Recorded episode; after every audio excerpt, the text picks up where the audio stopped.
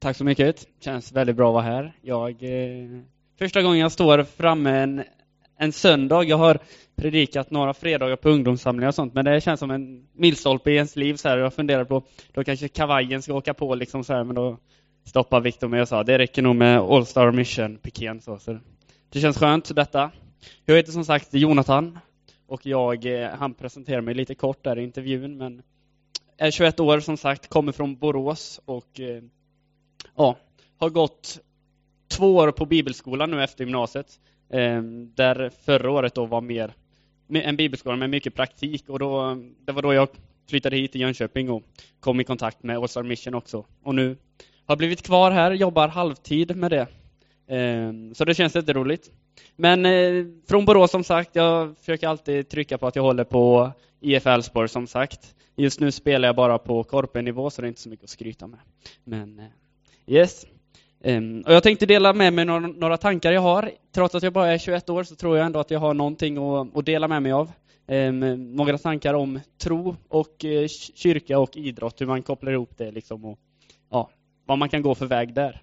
För det första så tror jag att Gud älskar idrott. Jag tror att han har skapat och format eh, kropparna som han har gett oss. Um, ja, men som gåvor som vi ska använda för att ära honom och till hans ära. Liksom. Och eh, jag tror att man kan använda kropparna på många olika sätt till Guds ära, men eh, idrott är absolut ett av de sätten, tror jag. Ehm, och det känns skönt också att Paulus liknar ju liksom många skeden i tron eh, med idrott, som, såsom löpning och brottning, liksom så att man ska löpa loppet ut. Och, så det känns skönt att jag på något sätt har liksom, tyngd i Guds ord för att eh, jag ska ha det här yrket jag har, att jobba med idrott och kyrka. Det känns bra. Eh, men eh, jag, alltså jag älskar idrott som sagt, men jag tycker nog ännu mer om liksom, kyrkan och, och Jesus. Ehm, jag försöker hålla kyrkan högt i mitt liv, liksom att alltid tala gott om den och tro, tro gott om kyrkan och eh, prioritera söndagsgudstjänster och fredagskvällar högt. Liksom. Eh, detta på grund för att jag, ja, jag tror att Gud inte kommer rädda den här världen på något annat sätt än genom kyrkan. Eh, så det är två grymt bra saker, idrott och kyrka, men som ändå kan vara lite svåra att eh, få ihop ibland. Det har jag erfarenheter av från mitt eget liv. Och jag vet att många andra med mig har liksom, ja, haft svårt med det. Liksom, att hur får man ihop livet? Att idrotta, det tar mycket tid och ibland så ja, blir kyrkan lidande på, på grund av det. Att man hinner kanske inte med att gå, gå på fredagskvällar till kyrkan eller söndagar. Jag har haft mycket matcher och sådär själv, så jag vet att det är svårt. Ehm, och då tänkte jag vi prata, eller jag prata lite om hur, ja, hur man kan, hur vi som kyrka kan eh, ja, bemöta, bemöta det. För ofta tycker jag att, eh, nu kanske jag blir lite hårdare, men ofta tycker jag att vi i kyrkan kan ha en ganska, eh, ja men eh, kanske till och med en fel bild på idrott. Jag upplever det som att kyrkan ibland ser idrotten som en, eh, ja men som en konkurrent till eh, det vi håller på med här liksom. Att man tävlar lite om samma människor, att man vill, man vill att så många som möjligt ska dyka upp på fredagar. Det är kanonkul att, att man är hundra pers här liksom. Um, och det är, klart att, det är klart att man vill ha det så, att många ska dyka upp, men istället för att, eh, för att se idrotten som en konkurrent där, ja, så, så, tror jag att idrotten är en av alltså, kyrkans stora möjligheter, om inte ens den största kanske, just på grund av det jag sa, att det finns så många aktiva. Liksom. Och om vi i kyrkan lär oss bemöta det och hitta vägar in där, så tror jag att vi har vunnit mycket. Och som sagt, så jag har inte varit med på Allstar Week i 16 år som Viktor, utan jag gjorde mitt första år här i somras som eh, ledare. Och jag kan faktiskt säga det, att jag har varit med på många läger, men All Week är nog ett av de bättre jag har, eller jag tror faktiskt det kanske till och med är det bästa lägret vi har i, i Sverige, faktiskt.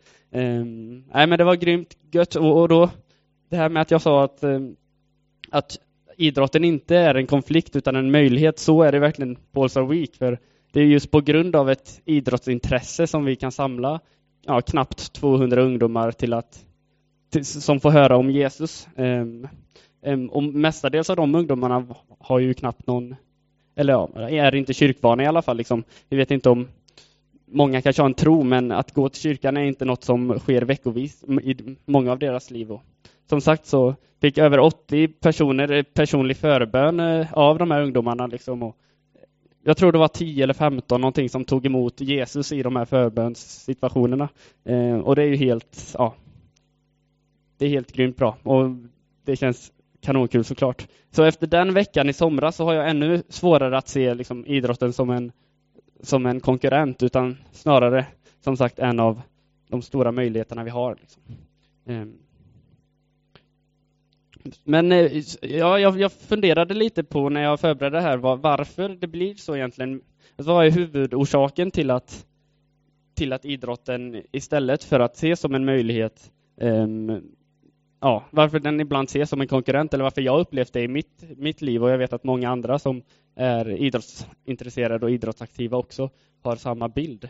Ehm, så jag funderar lite på det och alltså vad, vad går djupare än än att man liksom vill att folk ska komma på fredagar, för det kan ju inte vara grund, ja, grunden på det problemet. Um, ibland så tror jag att vår bild av vad kyrka är lätt blir lite förvrängd, för jag själv och många med mig fastnar lätt i, i tänka att liksom, det som kyrka är, det, det, är det som händer innanför de här väggarna. Det är den grymma verksamheten vi har, liksom, som vi hörde allt gott om eh, allt som händer här i veckan. Det är ju fantastiskt vad mycket bra som händer.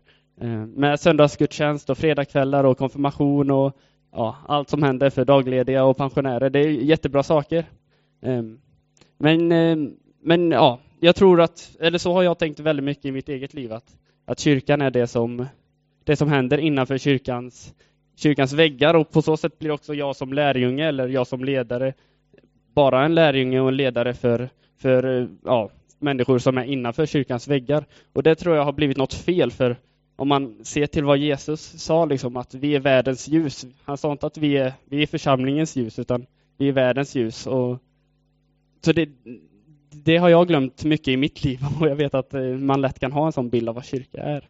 Ehm, men så tänk om vi kunde bli ännu bättre på att lyfta ut kyrkan från själva byggnaden. Det tror jag är en av de en, en av de nycklarna som gäller inte bara idrotten utan egentligen allt, alla här inne liksom. Och eh, ja, vad man än har som gåva eller vad man är intresserad av. Tänk om vi blir bättre på att lyfta ut kyrkan från själva byggnaden. Ehm, för tänk om vi satte en kultur där, där vi som har tagit emot Jesus och tror på honom och älskar honom, liksom, ja, mer får ut av det i vår, i vår vardag, på våra jobb och i våra skolor och i våra idrottslag. Ehm, det tror jag är en, en nyckel som sagt. Och då menar jag, jag menar inte absolut inte då att det är oviktigt att gå på gudstjänst utan, eller ja, dela gemenskap med kristna vänner. För det tror jag är en av liksom, det tror jag är en av Guds tanke med församling och det tror jag är jätteviktigt. Till och med att jag strukit under det i min text här för att eh, jag tror att det är så viktigt med församling att man ses och att man dyker upp liksom för att fylla på själv och sådär. Men det blir lätt att man tappar den faktorn att att man själv är, eh, är lärjunge och ska lysa upp där man är i vardagen. Eh, mm. Så jag tror att, tänk om vi skulle bli ännu bättre vid kyrkan på att utrusta idrottsaktiva som vi pratar om idag, liksom där de är i, i, sin, eh, i sina lag, istället för att vänta på att, på att ungdomarna ska komma hit en fredagkväll och sådär, utan om vi, tänk om vi skulle redan finnas ute i klubbarna och, och ja, men lysa upp, lysa upp där de är och, och stötta dem där de är. Um, och jag tänkte ta med er till Bibeln nu, för det här är min favoritbok. Den verkar bli bättre och bättre med åren bara. Um, det är nog ett kriterium för en bra bok tror jag, att den blir bättre ju mer man läser den. Ehm, och det finns ett känt avsnitt i den här boken som heter Den förlorade sonen. Jag tror att många av er har, eh, känner igen den. Ehm, det är en sån klassisk söndagsskoleberättelse som var vanlig. Men det som är bra med Bibeln är också att, att alla berättelser de passar till alla åldrar också. Ehm, så vi, vi läser den här. Men eh, jag tänkte bara dra den lite kort först, så vi inte behöver läsa 40 verser. Ehm, det handlar om eh, en far och hans två söner i alla fall, där den ene sonen då väljer att eh, ta, ta ut sitt arv i förskott och sticka iväg och ja, lämna sin familj och lämna tryggheten och lämna kärleken. Liksom. Ehm, och eh, ja, men dra iväg och liksom, ja, men svika familjen lite. Ehm, men sen då när pengarna tryter och han inser att, att han ja, har gjort lite dumma grejer och, och svikit farsan så, så bestämmer han sig för att komma tillbaka igen till, till sin familj, eh, trots skammen. Liksom. Eh, och då kan jag sätta mig in i, jag är inte pappa själv så, men jag tror jag hade blivit väldigt ledsen eller väldigt ja, besviken om, om min, eh, min son stack, stack från eh, huset och stack hemifrån. Liksom. Ehm, jag hade kanske blivit besviken, jag vet inte, men jag tycker att eh, så som fadern reagerar Ehm, i den här berättelsen när han får syn på sin son, det tycker jag är beundransvärt. Så vi kan läsa från Lukas kapitel 15, vers 20 och några verser framåt. Där står det så här då. Redan på långt håll fick fadern syn på honom. Han fylldes av medlidande och sprang emot honom och omfamnade och kysste honom. Sonen sade, Far, jag har syndat mot himlen och mot dig. Jag är inte längre värd att kallas din son. Men fadern sade till sina tjänare, Skynda er att ta fram min finaste dräkt och klä honom i den och sätt en ring på hans hand och skor på hans fötter. Och hämta gödkalven och slakta den så ska vi äta och hålla fest. Um, ja, jag tycker det är fantastiskt. Istället för att sonen får en uppläxning liksom, så är fadern bara kärleksfullt rakt igenom. Det verkar som att han älskar ovillkorligt, liksom, att oavsett vad sonen har gjort, oavsett om sonen svikit så, så är fadern där med sin kärlek. Och det tror jag gäller alla områden i livet. Tänk om vi kunde ta oss an den här, ja, bli mer lika Fadern som jag tror också är en bild på vem Gud är liksom, och hur Gud behandlar oss. Och nu då främst kanske ja, men, idrottsaktiva som jag tror den här sonen kan, eh, eh, kan likna. Liksom att han, det kanske finns eh, ja, exempel i era liv, i, i, ja, bland era vänner och sådär, där en, eh, ett barn kanske har, som varit med i kyrkan, liksom, som får vara en bild på den här familjen, då, lämnar ja, lämnar familjen, inte kanske för att han aktivt beslutar det, men för att idrotten tar över och man känner att man dras med med kompisar där och ja, prioriterar inte kyrkan lika högt. Men, eh, men tänk om vi då som fadern kunde bemöta sonen på det här sättet som fadern gjorde, med den kärleken och sådär. Det står så här att redan på långt håll fick fadern syn på honom, vilket måste betyda att han ständigt tittar efter honom, tycker jag. Alltså om man ser något på långt håll så måste man ju faktiskt aktivt kolla efter något.